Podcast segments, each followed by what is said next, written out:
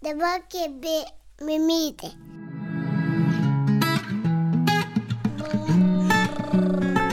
Kaba mama. Sveiki, čia kalba mamos ir aš Marija Keršanskinė.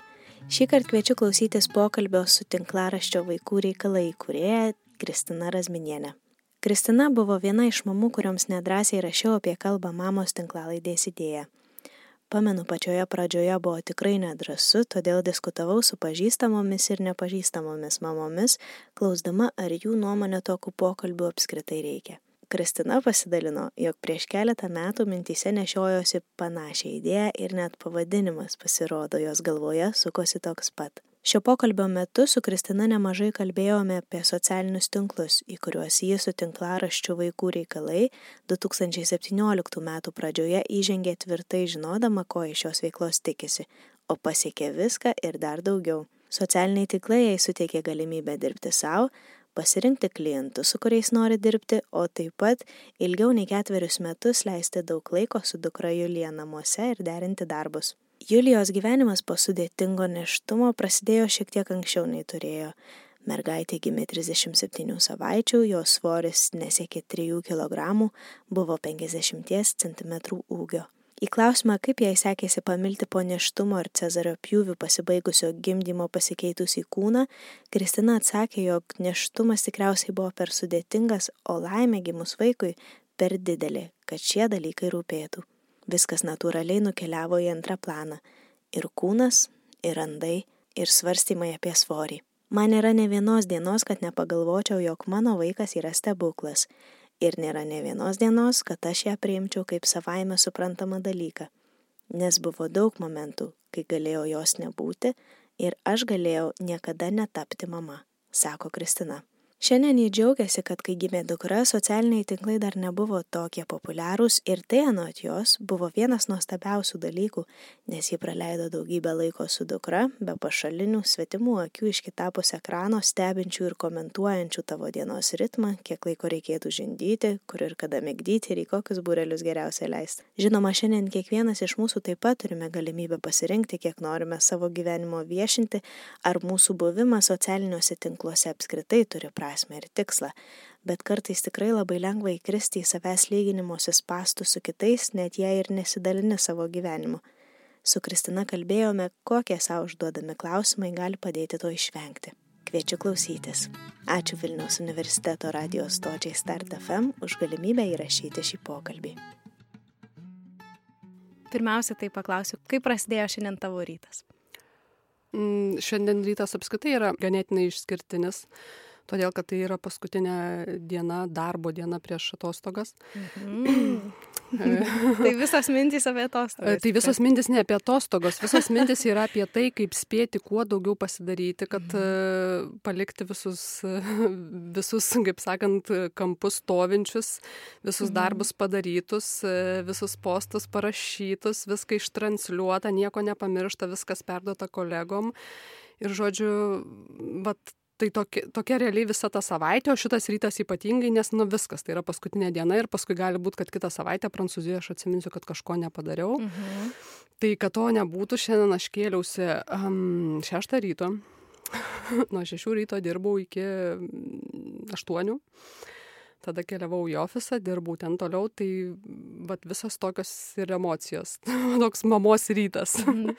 Žinau, kad tu turi blogą tinklaraštį, Instagram'e ir kaip atskiras, ne tinklaraštis vaikų reikalai veikia. Taip, yra, yra tas adresas www vaikų reikalais, kurio aš nelabai užsiemu tiesą pasakius, tai pasakyti taip, kad ten yra tas tinklaraštis ar nėra.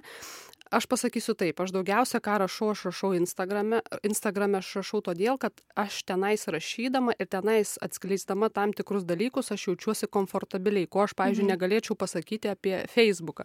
Ir jeigu jūs nueitumėte į Facebooką e, vaikų reikalų, tai, daž, tai daugiausiai būtų reklaminiai postai tai būtų kažkokie tai pasidalinimai šiaip įdomi informacija, tenais, nu, išgyvenimų kažkokių tais mano vidinių ar kažkokių patyrimų, gal kažkada buvo, mhm. bet jie labai natūraliai apstojo, todėl kad aš nesijaučiu ten komfortabiliai. Tai taip ir liko ilgainiui, nes planas aišku buvo, kad ir tas, reiškia, www puslapis, ir Facebookas, ir Instagramas, ir galiausiai liko tik Instagramas, nes aš vis savo bandydavau atsakyti, nu kodėl aš negaliu. Ir aš paskui nusprendžiau, kodėl aš turiu save prievartauti, jeigu aš nejaučiu to, jeigu aš nejaučiu Facebook auditorijos, aš nejaučiu su ją jokio ryšio.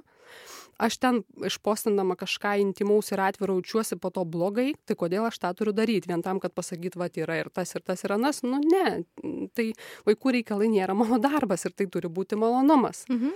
Tai, kad tai būtų malonumas, jis ir liko tik tais daugiausiai Instagram. Mhm. O ką aš veikiu? Aš dirbu su socialiniais tinklais, su komunikacija socialiniuose tinkluose, aš dirbu su skirtingais brandais. Tai galima sakyti, kad tavo tas malonumas susijęs su darbu, ar ne? Aš galbūt pasakyčiau taip. Kuomet aš atsiradau kaip vaikų reikalai mhm. Instagrame, tai nutiko 17 metų vasario gale. Ir kai aš išpostinau patį pirmą postą, aš jau tada žinojau, kodėl aš tai darau ir su kokiu tikslu aš tai darau um, tie vaikų reikalai atsirado kaip treniruoti.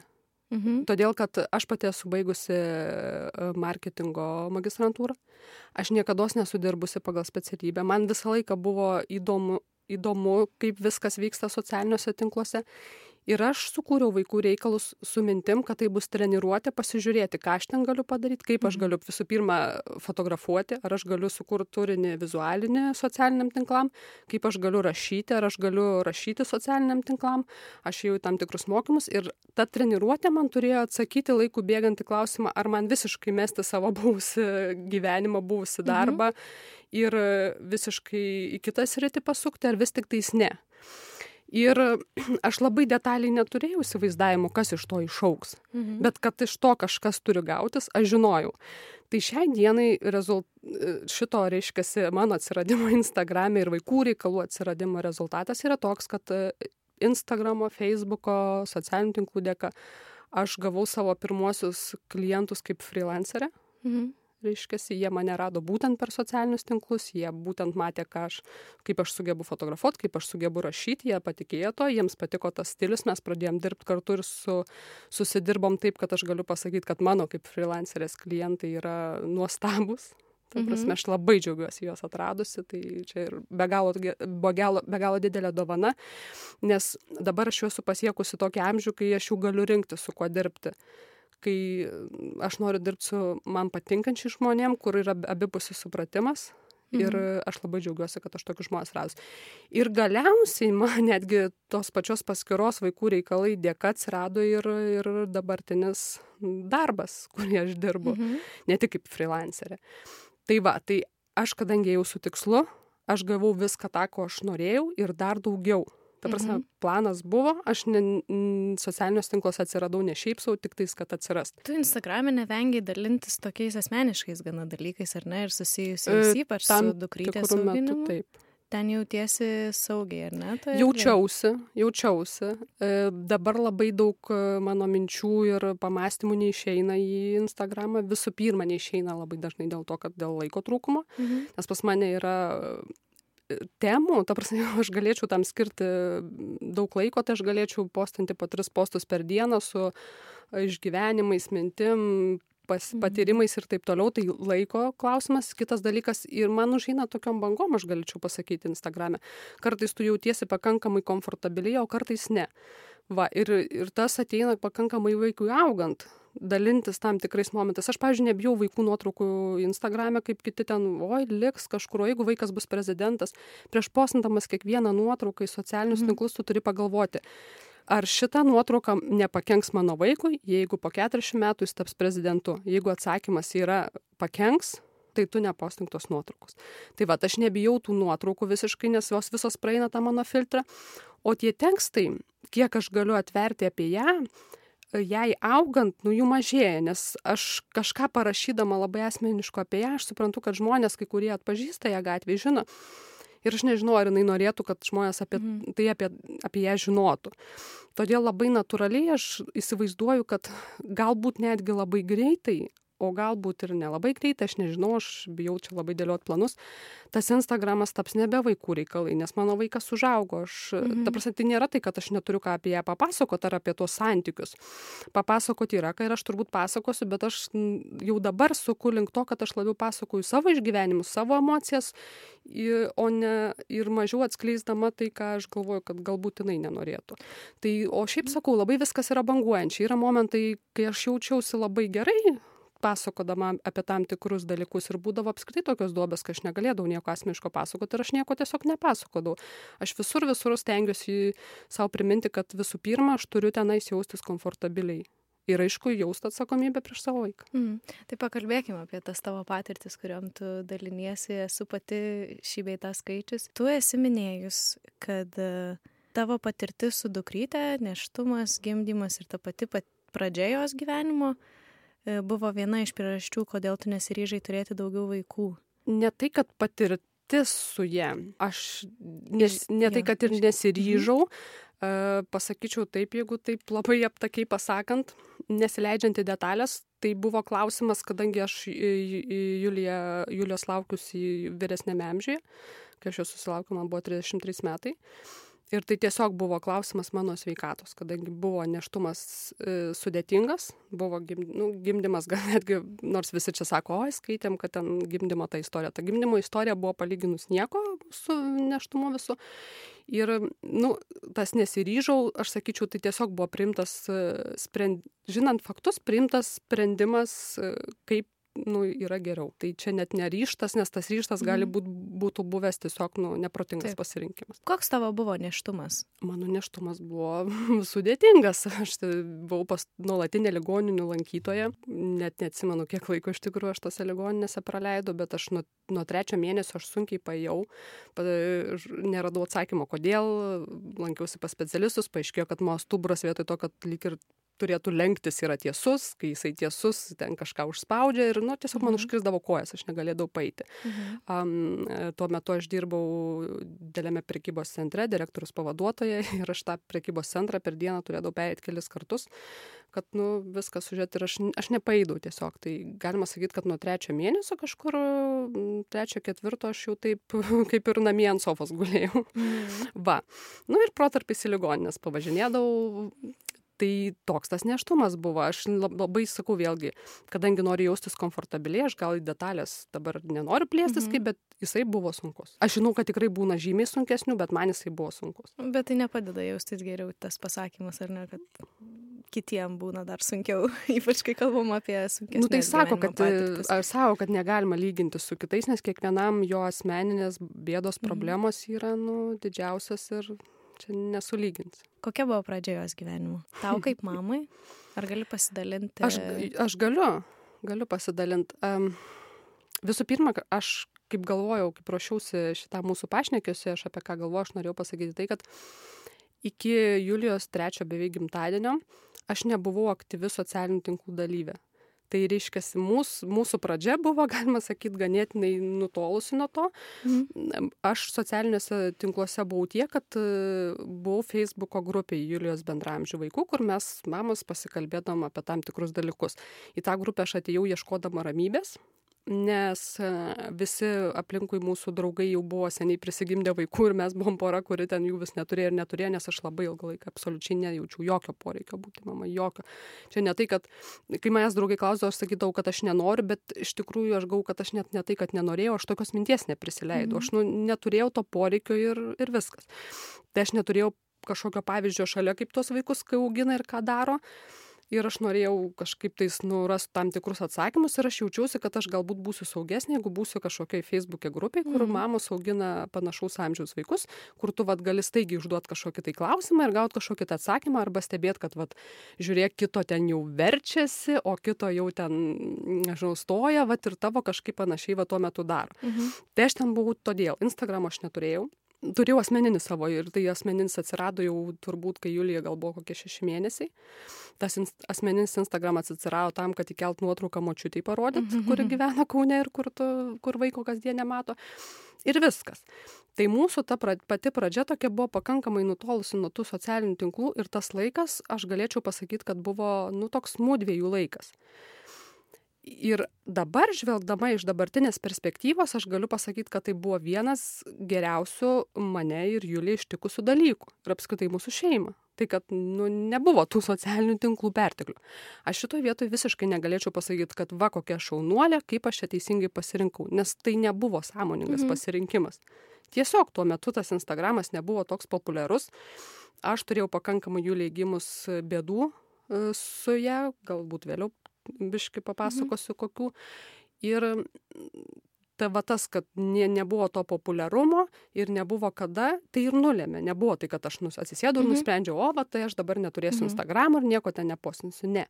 Bet sakau, žvelgiant iš dabartinės perspektyvos, tai yra geriausias, vienas geriausių dalykų, kas mūsų ištiko. Kodėl? Dėl to, kad turėjome. Todėl, kad mes turėjome labai daug laiko viena kitai. Mhm. Tai čia yra pirmas dalykas. Um, kai man ir net, ne, net negalėčiau pasakyti, kad, nu, vat, mes kažką labai ypatingo veikiam. Nu, va mhm. dabar, kad jau čia papasakočiau, nu, veikiam mes ir vienam burelį, ir kiemą, ir, nu, ta prasme, veikiam, bet, mhm. bet čia net ne apie tos kažkokius, čia yra labiau apie likusi tą jausmą, nes tas laikas buvo labai labai stipriai, nu, išgyventas išbūtas. Ir pavyzdžiui, dabar, ką aš pastebiu, labai daug, nu, žinom, jaunų mamų, jos nori būti daugiau nei mama, kaip aš sakau. Ir tai yra natūralu, nes jeigu jaunos merginos nepadariusios ten karjeros, nerealizavusios savęs, nepasiekusios kažkokiu tais planų pasigimdo vaikus, faktas, kad jos nori būti daugiau negu mamos, nes jos yra pakankamai jaunos, jos turi potencijos ir jos dar jaučiasi. Tikslų, taip, ir jos dar jaučiasi savęs, nu, sakau, nerealizavusios, jos turi energijos, viską. Mano atveju, kuomet aš Julijos susilaukiu 33, aš turėjau trylikos metų darbinę patirtį aš turėjau karjerą aš jaučiausi save realizavusi aš išėjau į vaiko auginimo atostogas turėdama aš jau dabar net šiandien bandžiau atsimint kiek ten tų po manim buvo pavaldžių žmonių bet tai čia kalbam apie šimtą du. Ir aš jaučiausi save išpildžiusi. Ir tuo momentu, kai aš susilaukiu Julius, aš nenorėjau būti daugiau nei mama.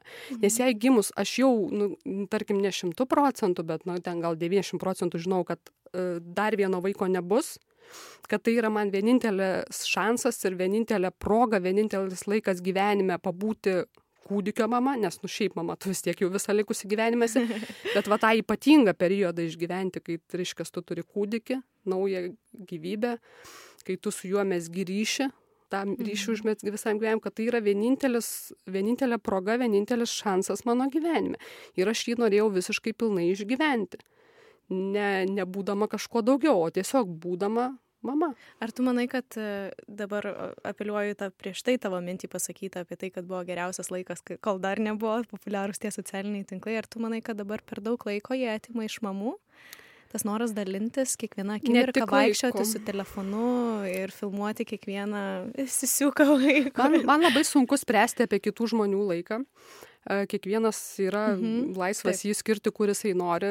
Ir, ir aš savo prižadėjau, kad aš nesakysiu, kaip reikia elgtis kitiems žmonėms, nes jie su savo laiku daro, ką nori. Aš vėlgi sakiau, kad aš Instagram'e atsiradau ne šiaip su ir ta prasme, tas planas mhm. buvo ir aš žinojau, kad aš, tas laikas, kuris bus išnaudotas, jisai bus išnaudotas tikslingai ir ką aš per tai gausiu.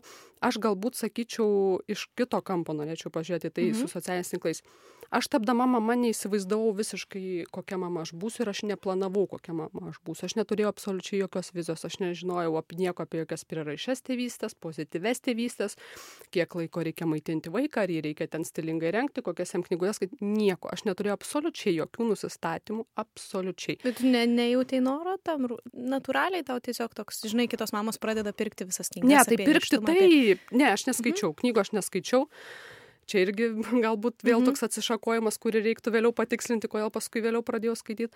Aš nesiuošiau, aš neskaičiau ir aš neturėjau jokio nusistatymo, kokia aš būsiu. Čia ne tai, kad susijęs su vaiku, čia galbūt mano tiesiog kaip žmogaus yra, to, kad, nu, kai bus, tu tada ir pamatysi, tau tada viskas ir išaiškės.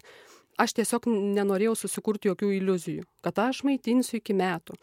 Aš ten darysiu taip ir taip. Kaip bus, tai aš ir pamatysiu, kaip gerai man ir vaikui. Tai aš neturėjau jokių iliuzijų. Ir aš galvoju, kad šitas iš dalies dar kilo ir iš to, kad, kaip aš sakau, pas mus aplinkui vaikai visų draugų buvo jau vyresni, o kadangi to dalyvavimo socialiniuose tinkluose, nu, Facebook'e, Facebook'e tuo metu virė, kai aš ar tai susilaukiau Julijos, jo, turbūt kaip susilaukiau, virė vienintelė labai aštri diskusija apie tai, kad ar kuri greičiau nušokus nuo gimdymo stalo nubėg, nubėgs dirbti, Tai čia buvo labai labai šita tema ant bangos ir visos varžėsi, iškės tos, kurios... Kad tik nesėdėti namie, ar ne? Nu, ten vienos aš jau šiandien pagimdžiau vaiką, rytoj aš kitą dieną aš jau dirbu, o jūs visos kitos virštos. O kitos reiškia, tai kam jūs gimdė tuos vaikus, jeigu jūs tą pačią dieną ten vos ne ar ant gimdymo stalo su kompu dirbo. Tai va, mhm. vienintelė buvo tokia aštresnė diskusija, kur aš irgi per save perleidau pamačiau ir aš supratau, kad aš dirbu tokioje srityje, aš ne, aš ne teisininkė, aš ne chirurgė, kur aš ten galiu prarasti kažkokias tai gebėjimus kur man reikia ir aš žinau, kad aš galiu su tuo vaiku ir aš noriu, nes aš buvau labai didžiulė darboholikė, aš pradėdavau darbus 7 ryto, aš 10 vakaro baigdavau ir dar dirbdavau savaitgaliais. Ir aš taip dirbau tikrai nemažai metų. Ir sakau, man buvo tas metas, kai aš žinojau, kad aš nu, nenoriu dabar nei mhm. ten karjeros daryti, nei kažkur bėgti, nei kažkur lėkti, tai čia vat vienintelis buvo. O kitokių jokių dalykų iš socialinių tinklų neteidavo. Nu, ta prasme, kai aš juose nebuvau, aš jeigu jie ir buvo tuo metu, jie neteidavo. Dabargi mamos, kurios ypatingai, gal sakyčiau, netgi Instagrame, kurios yra, jos mato tiek daug tų modelių sėkmingų šeimų, meilės, mhm. gražiai aprengtų vaikų, teksto apie tai, kiek kas maitino, kiek kas nemaitino, į kokią mokyklą. Ir jos mato tas tokias vizijas ir aš matau, kaip tai jas arba erzina kai kurias, arba įtakoja ir jos kažkaip, nu, čia mano absoliučiai nuomonė, aš taip, galiu taip. visiškai klysti, bet man atrodo, kad jos tada ir tos visos vizijos atsiranda, kokiai reiktų būti, kuriai čia grupuotėjai priklausyti, ar tom, kurios ten jau savaitė po neštumo atrodo lieknos, vaikai aprengti stilingai, žodžiu, privačios mokyklos. Ar aš kaip tik čia einu prie tų, kur tenai susivėlė, svorio nemeta, ten vaikais apsikabinę prie raištėvystę. Nu kažkaip tu vis tiek pradedi, kai skaitai, tu kažkuriom bandai save priskirti, kažkur pritapti tu matai kažkokias tai didelės šeimas, kur ten vyras su žmona eina į pasimatymus, palikę kūdikių seneliam, kur ten stilingai aprengti vaikai, pozityvas, meilė ir tu tada automatiškai galvoju, mama, tai, tai gal čia sėkmės receptas, gal reiktų viską daryti kaip jinai. Nu, aš va tą matau. Tai kur mano, kai aš sakau, kad kodėl tai buvo geriausias mūsų laikas, kad aš, gal, aš įsivaizduoju, kad aš galėjau tapti, tapti ir būti tokia mama, kokia aš, nu, tiesiog norėjau būti, nes aš nemačiau jokių pavyzdžių aplinkui. Mhm. Viskas, kas vyko, vyko labai natūraliai ir man tiesiog nu, be kažkokiu tais vat, iš išorės tokių, kad vat, reiktų būti tokia ir tokia. Ir viskas atėjo labai labai natūraliai, kokiai tai reikia būti man atrodo, tie socialiniai tinklai tokio šiek tiek sumaišties atnešė į mūsų gyvenimus, nes niekam nepaslaptis, kad dažniausiai mes dalinamės tuo, kas faina, kas smagu, kas gražu ir visą tai, kad tu pasakai, žinai.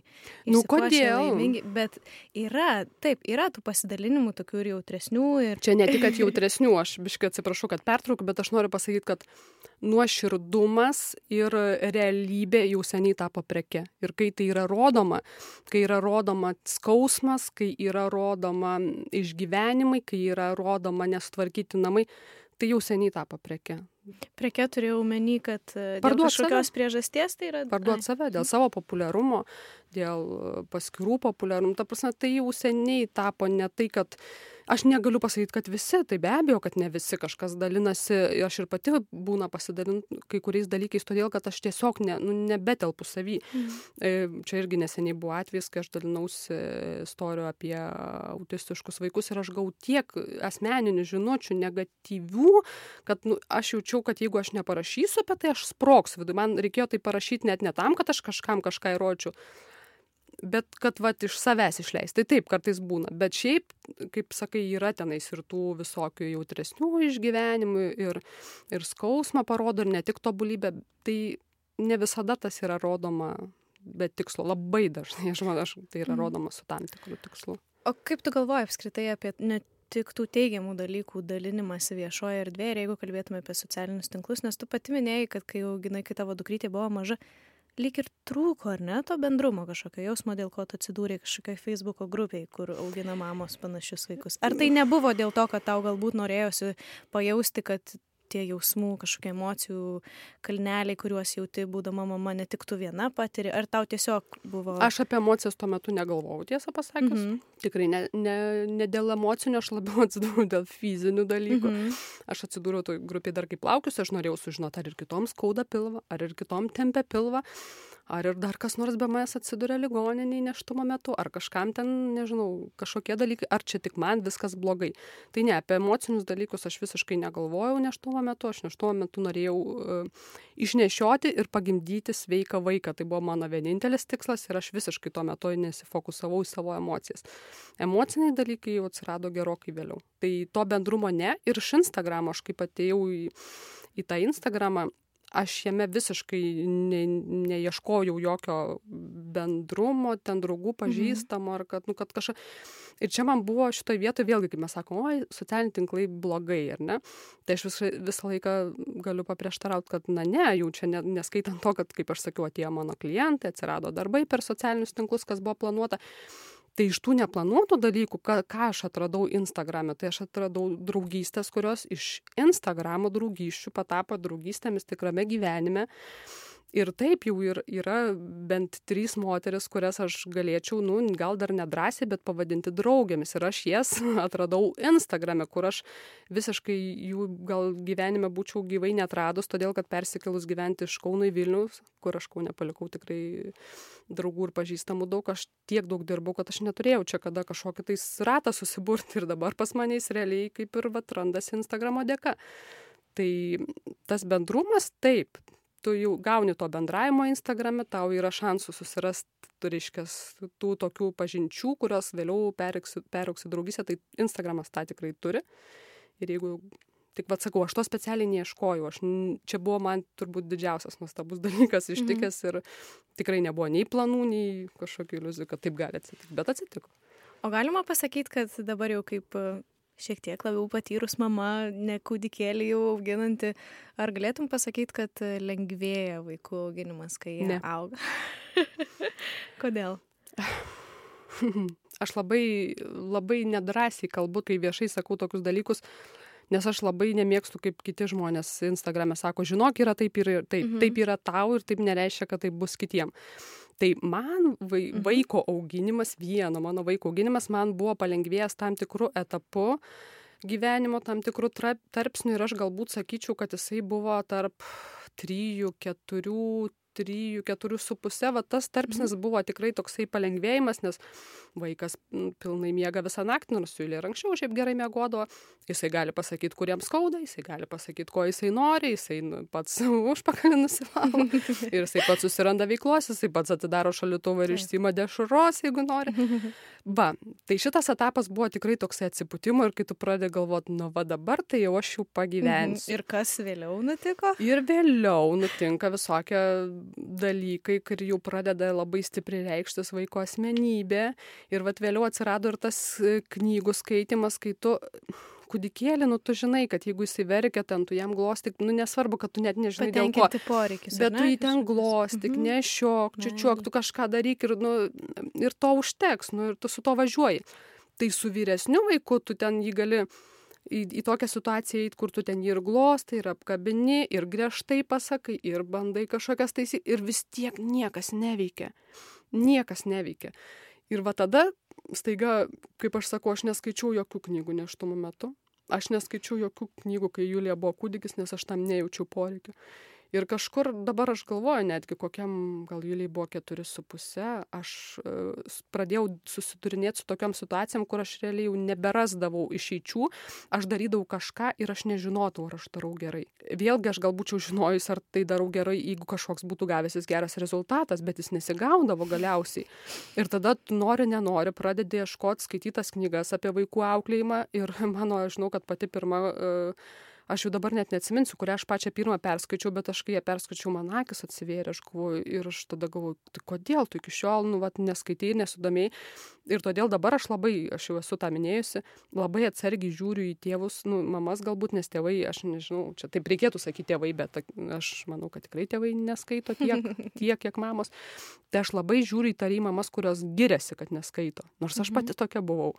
Ir ko, aš tai jau tikrai, nes aš auklėsiu savo vaikus taip, kaip mane tėvai auklė išauklė. Ne, nu tai ok, gal ten tave labai teisingai išauklė. Mhm. Bet man tikrai nušvito akis pradėjus skaityti ir, ir tas, ta prasme, aš suprantu, kad kažkas gal neturi laiko, gal dar kažko, bet taip vad girtis ir didžiuotis to, kad neskaitau. Ta prasme, knygose tikrai yra daug naudingos informacijos ir man jos vad prireikia, sakyčiau, apie keturi, keturi su pusė. Dabar labai vad aktualus metas, kur tikrai aš randu atsakymų nesau, kad viskas veikia, bet dabar yra tas sunkusis periodas, kai, prasme, prasideda e, vaiko melavimas, pavyzdžiui, ką su tuo daryti. Daug dalykų išlenda ir jau dabar tas toks aš jau jau jaučiu kad jau tas yra sunkesnis periodas. Paskui vėlgi aš jaučiu kažkiek įsivažiuosim bus lengvesnis ir tada prasidės mokykla. Nu aš jau paauglystę dar turiu tada prasidės mokykla reiškias pirma klasė aš taip įsivaizduoju kad turėtų būti Mhm. sunkiau. Įsibėgės vėl kažkiek ir tada prasidės paauglystė. O paauglystė man Mhm. sako kad jau bus ten visas ten kūdikėlių šaukimai ir verkimai palyginus su paauglyste kad bus tikrai žymiai blogiau ir aš visai tikiu, nes mano Julija yra tikrai su stipriu charakteriu, jinai yra labai kovinga, jinai, nu, tokia lengvai nepasiduodanti ir aš įsivaizduoju, kad manęs laukia irgi dar daug knygų ir dar daug... O draugai netampa patarėjais, turintys minėjai Ne. vyresnių vaikų, kodėl? Ar ryšys nėra toks, toks artimas, ar tiesiog e, kitaip labai skirtingai gal- suvoki dalykus? Gal meluoju biški.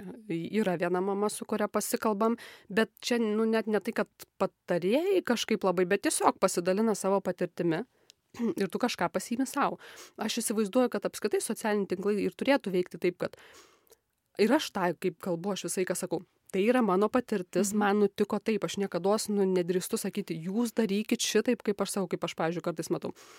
Mamos, keliaukit su kūdikiais, viskas bus gerai, neklausykit, ką jums sako. Ką reiškia viskas bus gerai? Mes su Julija pirmą kartą kelionę išskridom, kai jai buvo trejų su pusė. Skridom su draugų pora, kurių vienam vaikui buvo trejų su pusė, kitam vieni. Vaikai Ispanijoje gavo virusą, draugų vaikai vėmė dvi dienas, mūsų vaikas vėmė visą dieną. Ar aš dabar grįžus turiu pasakyti, nekeliaukit, nes visiems bus blogai? Nu, nebus visiems blogai. Bet mm, šaukti, vat, kad jūs, mano patirtis čia tokia, vat, galima generalizuoti, tai kad visiems čia taip tiks, tai vat aš šitą matau ir man tas yra, nu, nepriimtina labai. Todėl aš visą laiką, kai kalbu, aš visą laiką sakau, man nutiko šitaip.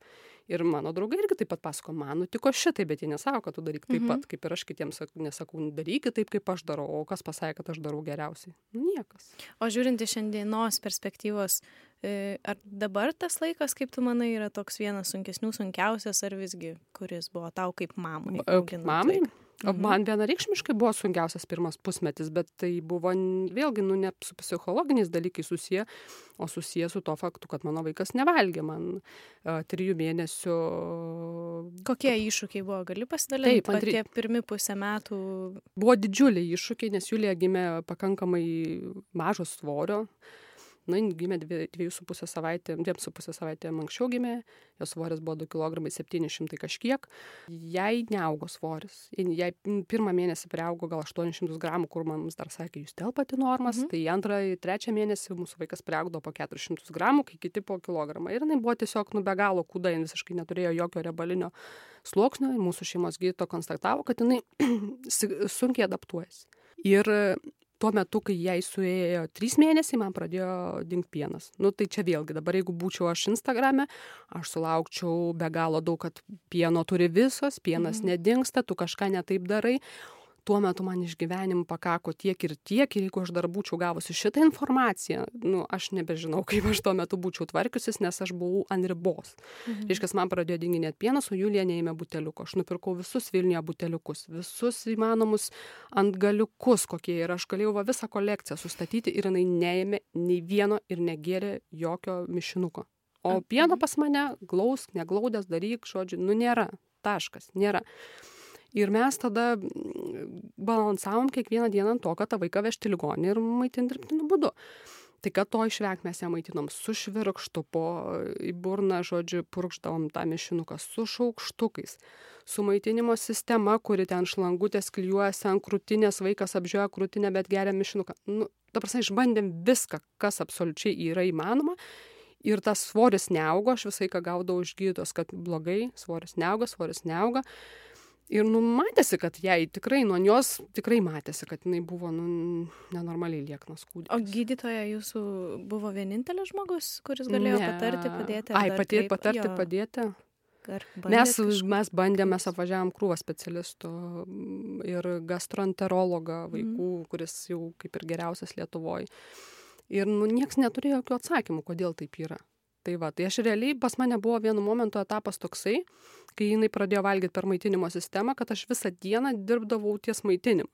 Tai reiškia, paruošti maitinimo sistemą ten užtrunka, tarkim, jeigu ten 45 minutės, išplauti, iškaitinti užtrunka ten virš valandos, o pamaitinti su ta sistema tu irgi mūčinėsi valandą. Ir tu, vad, kaip tą ratą baigi, tu vėl jį pradedi iš naujo. Tu baigi ir vėl jį pradedi iš naujo. O naktį jau ta būdavo, nu, nebeįmanoma šito vėl padaryti, nes tu turi par kažkurio paros metu pamiegoti.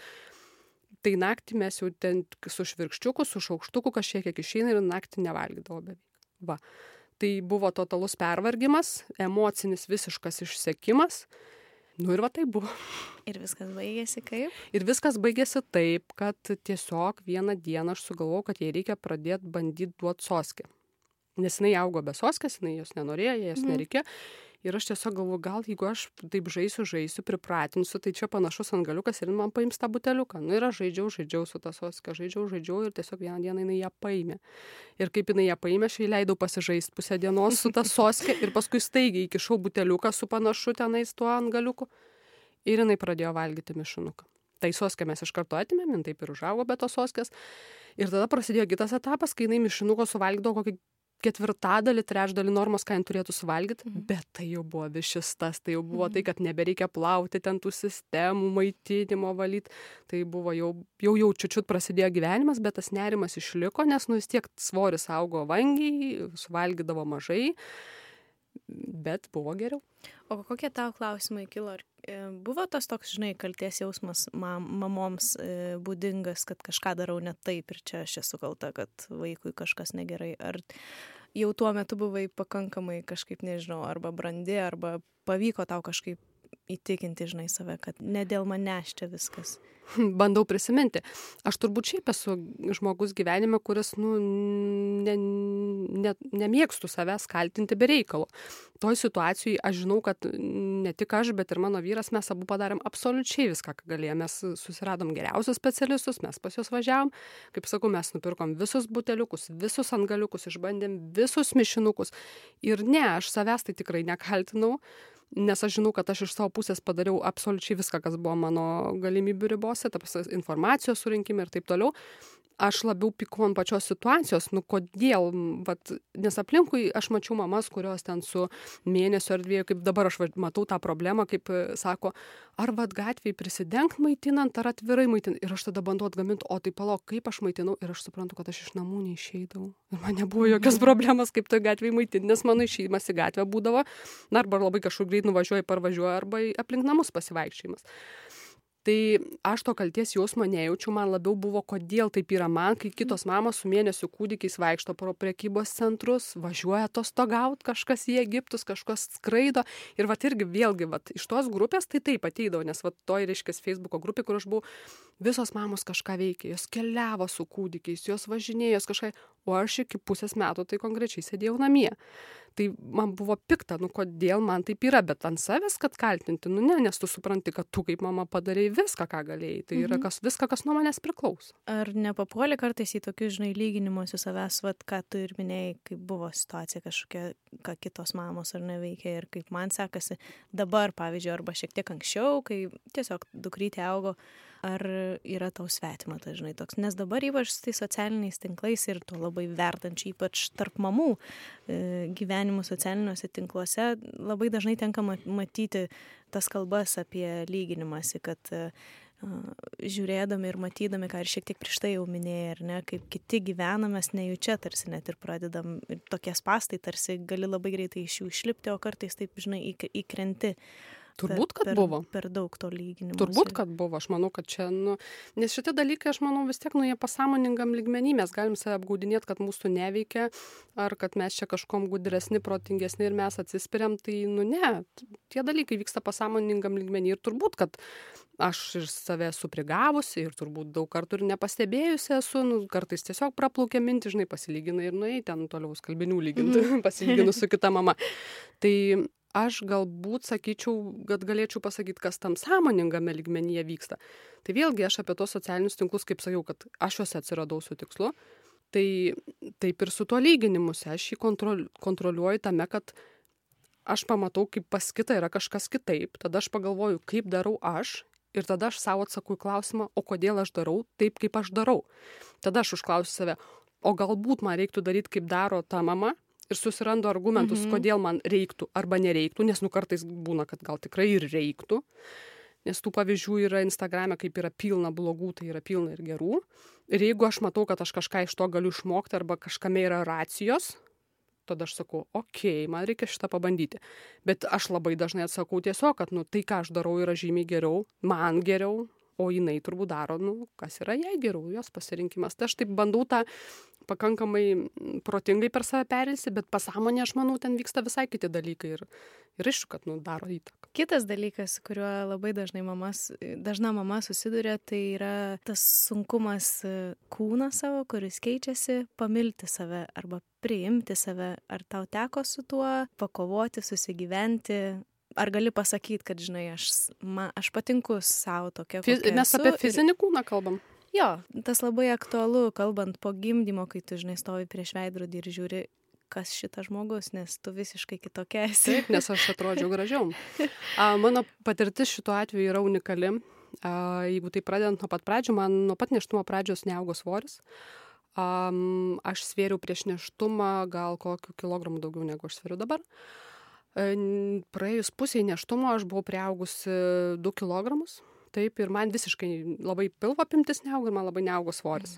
Mhm. Tada ten 20 kažkilintą savaitę aš pasidariau cukraus tyrimą ir paaiškėjo, kad man yra gestacinis diabetas. Mhm. Tam, kad nereikėtų leistis insulino, man buvo sudaryta speciali dieta. E, Šitoje vietoje man labai padėjo tai, kad aš nuo trečio mėnesio buvau namuose, tai aš galėjau labai tą dietą uh. Įgyvendinti, Taip. nes tai reiškia, ta dieta yra valgymas tam tikrom valandom, sveriant angliavandenius, išsiskaičiuojant tas normas angliavandenių, e, vakare stengiant pavaikščioti daugiau tam, kad, na, nu, kažkaip, žodžiu, ten tas cukrus, aš jau dabar detaliai neatsimenu, mhm. bet aš žinau, kad man būdavo labai sunku suvaldyti rytinį cukrų, bet čia turbūt jau ne tik neštumo metu, aš ir vėliau pasidariau, aš supratau, kad ryte pas mane aukštesnis. Bet aš ištempiau tą laiką, reiškiasi, be to insulino, nors jau pačio paskutiniam savaitėm jau tai buvo ant klaustuko, bet aš su tą dietą išvažiavau ir pagimdžiusi aš e, svėriau berots 5 ar 6 kg mažiau negu kad aš svėriau pastodama. Tai užsidėjusi, kur aš nusipirkau, reiškia, tą diržą, jos mens ten tą kažkokią tais Diržas. Jo, diržas, reiškia, gimdymo namuose pasiūlė, aš jį užsis, užsidėjus atsistojus prieš veidrodį, aš gau, kas yra šita? Likna moteris, nes aš pagimdžiusi atrodžiau puikiai, nu neskaitant to pilvo, kuris ten su laiku susitraukė ir aš neturėjau jokių ten didelių, nu, daug, daug labai stryjų, pas mane buvo Cezaris darytas, nu tas Cezario randas jis man iš vis, nu, menknekis yra mažmažis. Ir aš iš vis, nu net kaip, va, žinau, kad kitos mamos labai kalba apie tai, kad jom ten skaudu, kad per Cezarį mhm. pagimdė, ar kad ten to rando, ar kad ten kažkas jom kažką sakė, pa man niekas nieko nesakė, pas mus visi draugai, visi giminės ir visi artimieji be galo džiaugiasi, kad mes, nu, per tą savo mano tokį neštumą išnešiojom ir tą vaiką pagimdėm ir kokiais jis ten būdais atės, nu, net nebuvo mhm. klausimų, galbūt, kai tas neštumas yra visas labai labai sklandus ir viskas yra labai puiku, tai gal būtent to mamom tada būna tas skausmas, kodėl man neišėjo pagimdyti, ir, reiškia, ir tas randas paskui joms ten jį mhm. sunku žiūrėti ir taip toliau, man viso šito nebuvo, aš jo nemačiau, aš pagimdymo buvau liekna moteris. Tiesa, paskui, kai man dinginėjo pienas, aš pradėjau vėlgi pagal įdomius patarimus valgyti halvas ir ko ten tik tais nevalgyti ir rezultate aš turbūt jau kai buvau pusės metų Julija, aš turbūt svėriau dar daugiau negu prieš pastojant. Tai čia jau tada galbūt kitas klausimas, bet tuo metu aš gal nelabai turėjau kada gražus, o po gimdymo mhm. ne. Tai mano va ta tokia patirtis, kad nu, mano kūnas, aš nematau jokių didelių pokyčių. Ne, ne, ne, net nebuvo klausimų kažkaip, kad ten ar mes svorį, ar su tas, kažkaip susitaikyti su to kūnu. Aš tiesiog gal tas neštumas apskritai buvo per daug sunkus ir ta laimė gimus tam vaikui mm -hmm. buvo per Mhm. daug didelė, kad man absoliučiai viskas tuo momentu nuėjo į antrą planą. Absoliučiai. Mm -hmm. Ta laimė buvo tokio dydžio, kad, sakau, nu, jinai stelbė visus ten kūnus, randus, svorius. Tiesiog. O kokia vertingiausia dovana, kurią tau motinystė padovanojo, jeigu pagalvotum, nežinau, ar tai būtų kalbant apie savęs pačios pažinimą kažkokį, arba nežinau, gal kitaip pasaulio pamatymas, santykiuose kas nors, jeigu galėtum įvardinti. Galėčiau, Tiesiog- aš labai aiškiai žinau. aš labai aiškiai žinau, aš tik neatsimenu gal labai taip tiksliai, kada man tas pajautimas atėjo ir supratimas. Galbūt Julija galėjo būti, nežinau, metai, pusantrų, du, Mhm. galbūt kaip atėjo toks labai labai iškus tas suvokimas, bet aš norėčiau tam padaryti truputėlį me, tokią nedidelę priešistorę, kad Mhm. nebūčiau neteisingai suprasta, nes šitoje vietoje biški tokia, biški jautri tokia tema. Aš noriu pasakyti, kad aš, mes, mūsų šeima Julijos susilaukėme kartu pragyvenę, dabar aš bandau skaičiuoti, a, 11. 11 metų kartu pragyvenę. Mhm. E, Po, po 11 metų praleistų kartu gimė dukra. Kai tu turi santykius 11 metų, akivaizdu, kad tu esi praradęs tas iliuzijas, tos tokios meilės, tokios kaip besąlyginės meilės. Taip.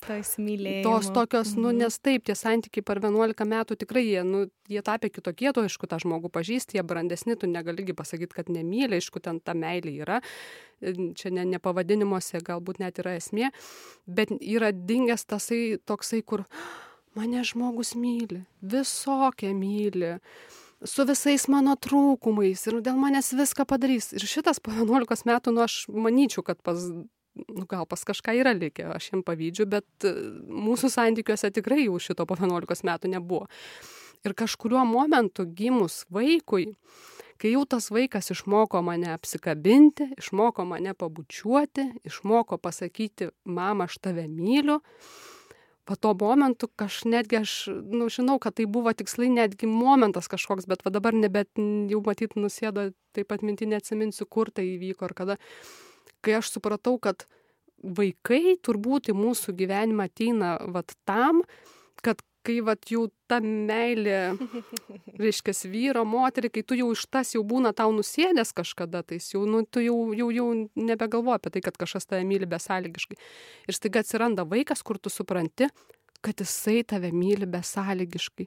Ir kad ilgainiui tos sąlygos turbūt atsiras, paauglystė ir visi kitai. Bet va šiuo duotojų momentu tas vaikas tave myli absoliučiai besąlygiškai ir tu tam žmogui esi viskas pasaulyje. Ir va šitas va jausmas, nu jis yra nepakartojamas. Tai jeigu ką man davė motinystė, tai va tą etapą, kai jisai buvo va suvokimas, kad tu kažkokiam žmogui esi viskas pasaulyje. Nes nu, natūralu, kad tu jau savo sutoktiniui, nu, nebesi, o oh my god, Mhm. viskas mano pasaulyje, aš dėl tas viską pasi, nu, nebėra taip. Ta prasme, tu jau, jau atsir, santykiuose tos kažkokios tai sąlygos atsiranda. Jeigu tu man būsi blogas, aš jau ten tau taip, o pas Mhm. vaiką šito nėra. Tai didžiausia man motinystės dovana buvo. Ir tas etapas, aišku, dar tęsiasi, mano vaikas vis dar mane myli besąlygiškai ir aš tiesiog, kai tu jau su laiku pripranti, gal kitaip į tai žiūri. Bet čia didžiausia dovana. O mamos meilė vaikui, tau kokia jinai yra? Jeigu vaiko meilė mamai besąlygiška, kaip ar įmanoma sudėti į žodžius mamos meilę vaikui? Pasakyti tai, kad myli savo vaiką, tai ir nepasakyti nieko. Man, e, sakau, kadangi tas vaikas pas mus atėjo nelengvai, tai aš irgi tą esu minėjusi. Man nėra nei vienos dienos, kai aš nepagalvočiau, kad tas mano vaikas yra stebuklas. Man stebuklas, ne šiaip stebuklas, kad vadžiaukis pasaulio, kokį čia stebuklą pagimdžiau, ne, bet man tas vaikas yra stebuklas. Ir man nėra nei vienos dienos, kai aš ją priimčiau kaip savaime suprantamą dalyką, nes jos buvo daug momentų, kai tiesiog, nu, jos galėjo nebūti ir aš galėjau niekada netapti mama. Tai aš tikrai, nu, visiškai neperdinant ir nemeluojant, man per dieną būna bent vienas momentas, kai aš suprantu tai ar jai prieš užmiegant, ar jai supykus, ta prasme, kažkoks, tai vat, man netgi tas galėčiau sakyti, kad labai padeda, nes kaip, pavyzdžiui, būna kažkokia tais labai sunki situacija ir vaikas yra susierzinęs ir reikia vertas, sako, aš tavęs nenoriu. Ir tu tada irgi tuo pačiu nori atsakyti ir tau yra labai labai sunku. Ir aš va tada prisimenu tas, kad nu, aš negaliu savo vaiko su, nu, priimti kaip savaime suprantamo dalyko, kad jis man yra stebuklas ir kad aš nu, tiesiog šitoj momentu turiu turėti daugiau kantrybės, viskas praeis, nes tu džiaugis, nes galbūt galėjo būti taip, kad tu šis nebūtum mama ir tu net, net nespręstum šitos problemos. Tu gal verktum, kad nu, neturi vaikų. Tai man tas padeda. Ar dėl šitos patirties, tokios iš jūsų pusės, tokios stebuklingos, ar ne, to vaiko atsiradimo ir kaip dovanos, ar tai buvo vienas iš e, tokių įtaką padariusių veiksnių sprendimui kuo ilgiau pabūti su Julija? Ar, ar tiesiog tu jau tai nori, ar tau taip susiklosti aplinkybės, kad tu galėjai dirbti laisviau, pabūti daugiau laiko su, su dukra? Čia susidėjo labai daug dalykų. Aš sakau, neturėjau absoliučiai, kai aš gimdžiau, aš nežinojau, nei kiek aš metų, mėnesių ar kiek aš būsiu. Viskas tai buvo įtakota labai daugelio aplinkybių. Pirmo to, kad, sakau, dirbau tokį darbą, turėjau tokią specialybę, kur nu, žinios nedings nei per mhm. metus, nei per du. Jeigu tu tam tikras savybės turi, tu gali ir po dešimt metų su to dirbti. Tai šitas pirmas dalykas. Antras dalykas, kaip aš sakiau, aš gavau vieną šansą gyvenime pabūti mama kūdikio ir tą momentą išgyventi. Ir, ir ne tik, kas yra labai, beje, daug kalbama ir va iš to vieno kampo, kad vaikui, duoti vaikui, suteikti vaikui, reiškia, ir sako, tai to laiko vaikui galima skirti ir nedaug, bet kokybiško, tai viskas vaikui.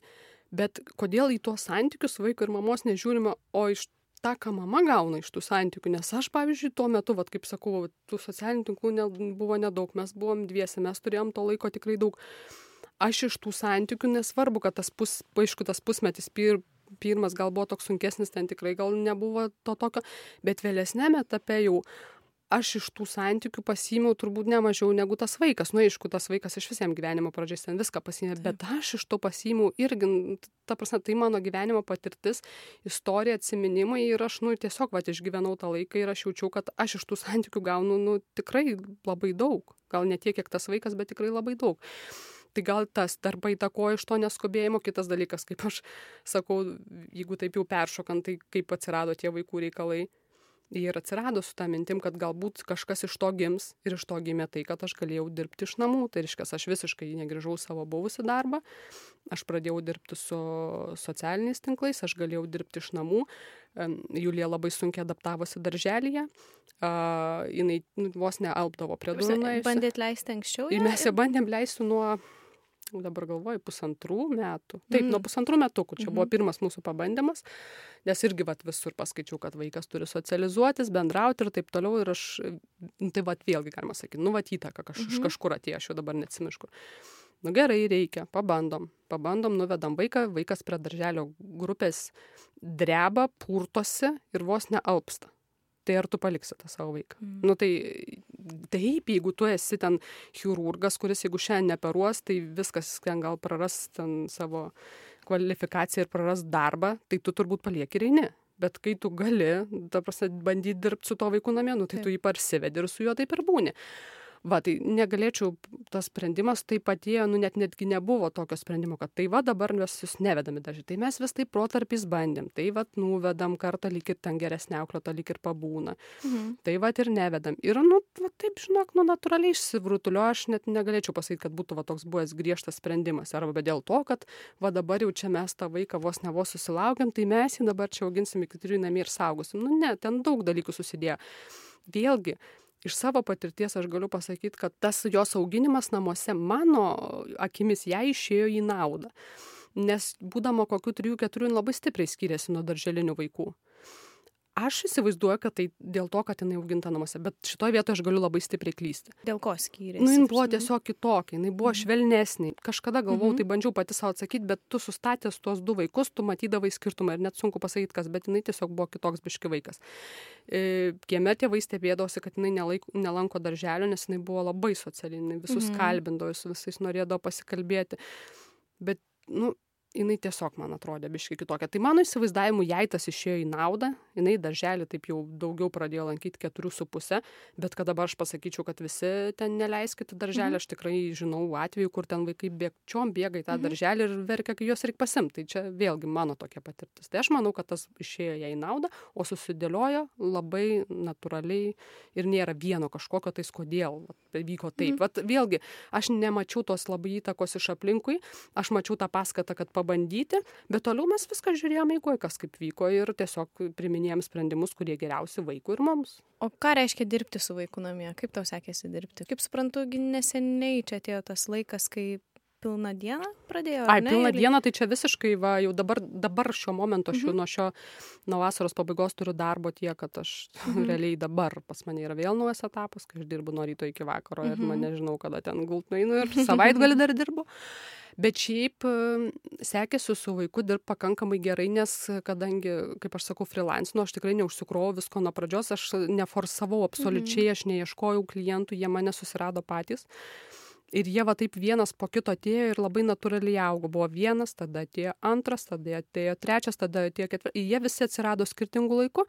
Ir kai tu jau įsidirbdavai su vienais prijungt dar vieną buvo pakankamai nesudėtinga aš jeigu dieną tarkim reik su vaiku pažaist aš pažaidžiu aš padirbu kai grįžta vyras ir gali ten su vaiku pažaist arba kaip jinai išeina pas močiutę mes turim senelius gyvenančius per gatvę kas irgi dar prisidėjo prie to darželio tokio irgi nelankymo nes kai būdavo situacijos kai nu į darželį nenori vesti o palikt nėra kur tai pervedi per gatvę ir seneliai štai jums vienintelė jūsų anūkė smagiai taip.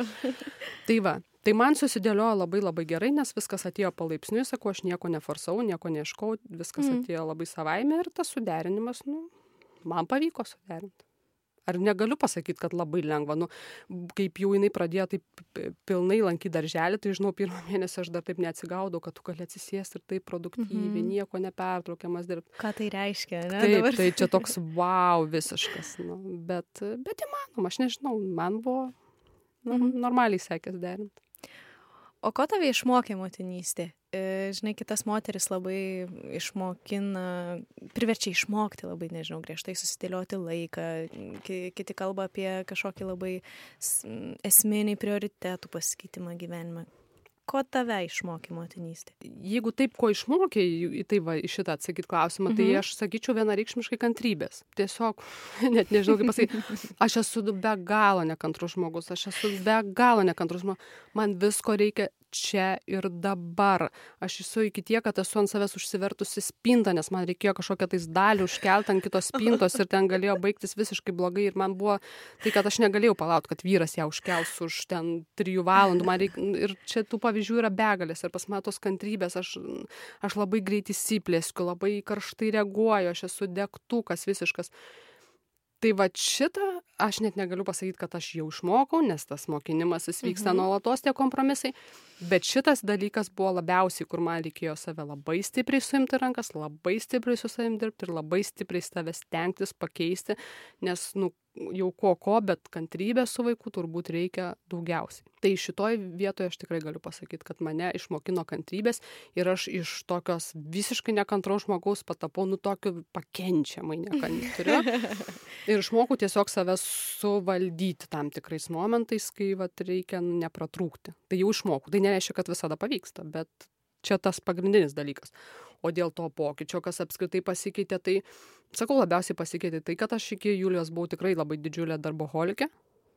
Ir man aš esu toks žmogus kur jeigu man darbas patinka aš galiu varyti belenkiek valandų per dieną aš galiu dirbt savaitgaliais ta prasme aš galiu visiškai nes ir man aš tiek įeinu į tą rutiną ir tiek įeinu į tą darbą kad nu aš aš iš jo nelabai moku paskui išeiti. Kaip kiti va ten užtrenkia duris ir išeina tai va tai julijai gimus kas pasikeitė kad aš pas visiškai pajutau kad nu viskas. Aš taip nebegaliu ir nebenoriu. Ir tai ir tas truko į labai ilgą laiko tarpą. Ir šiuo momentu aš išgyvenu lab išgyvenu labai panašų dalyką kai aš turiu labai daug darbo. Ir kai aš jau iš jo nelabai moku išeiti ir aš jaučiu kad tam vaikui reikia skirti to laiko ir aš dar nežinau kaip. Tai čia man šis sezonas yra vat visiškai toks kur man vat kažkaip reik susidėlioti tuos prioritetus kažkaip reik susidėlioti šitus dalykus nes kol kas man kitų patirtis nelabai padeda, nes ką aš girdžiu iš kitų mamų, tai vai, nesvarbu, kiek laiko skirsi vaikui, svarbu jam užteks ir mažiau, bet kokybiško laiko. Nu, ką reiškia vaikui skirsi laiko? Nu taip, aš galiu parėjus ten 8 vakaro, sukandus dantis, suskaudama galvą ir žiauriai pavargusi su, suimti save į rankas ir skirti tam vaikui pusvalandį ar tą valandą. Bet tai, ar man pačiai tai bus malonu? Būtent, mhm. būtent, ta prasme, bet tai bus jau mano trečias darbas, nes mhm. aš dabar jau taip įsivaizduoju, kad aš du, kaip minimum mhm. turiu, tai bus mano trečias darbas, kurį aš padarysiu per kančias. Taip, vaikas savo gaustant kažkokią tais dozę, bet tu iš tų santykių nepasimsi nieko. Kodėl visi, kai kalba, visi kalba apie, apie mamos ir vaiko sainų, aš dabar apie mamos, aš mhm. tėčio neliečiu, aš negaliu apie išnekėti, bet visi, kai kalba, visi kalba tik apie duoti, duoti, tu vaikui skirt gali mažai, čia jam užteks, čia kokybiškai o sau pasiimt. Aš, pavyzdžiui, š, man šis ruduo yra toks, kad aš savo menkai te pasiemu, nes aš dažniausiai tiesiog pavargusi per kančias duodu. Tai manęs netenkina tokia, tokia. Nes nu tai tam ir gimdei vaiką kad tu iš to irgi vat gautum kaip aš sakau kad tu suprastum kad tave myli besąlygiškai ir tu iš tų santykių pasiimtum pasikrautum tų emocijų nes nu tu vaiką augini tai ne tik tais kažkoks tai darbas pareiga ten tėvynei dar kažkam užaugint. Mhm tu su vaiku gyveni dėl to, kad tau, nu, geras su juo, tu kažką iš tų santykių gauni. Tai va čia man visiškai šitas ruduo yra toksai metas, kai teks kažkaip turbūt savo atsakyti į tą klausimą. Kaip... Ja, šitie klausimai yra geri galų galia, jie padeda irgi išsikrapštyti iš savo vidaus. Taip, taip, taip, taip, kad va kažkaip susidėlioti taip, kad mhm. iš, tų, iš to trumpo laiko gautų ne tik vaikas, nu, kad aišku, galbūt po kažkiek laiko tie darbai taip susidėlios, kad galėsi skirti laiką, tas laikas būtų kokybiškas ir tau pačiam. Tai aš to ir palinkėsiu, kad išsispręstų viskas, kad stiprus būtų santykis ir kad gautum iš jo ko daugiau. Ačiū už pokalbį. Ačiū.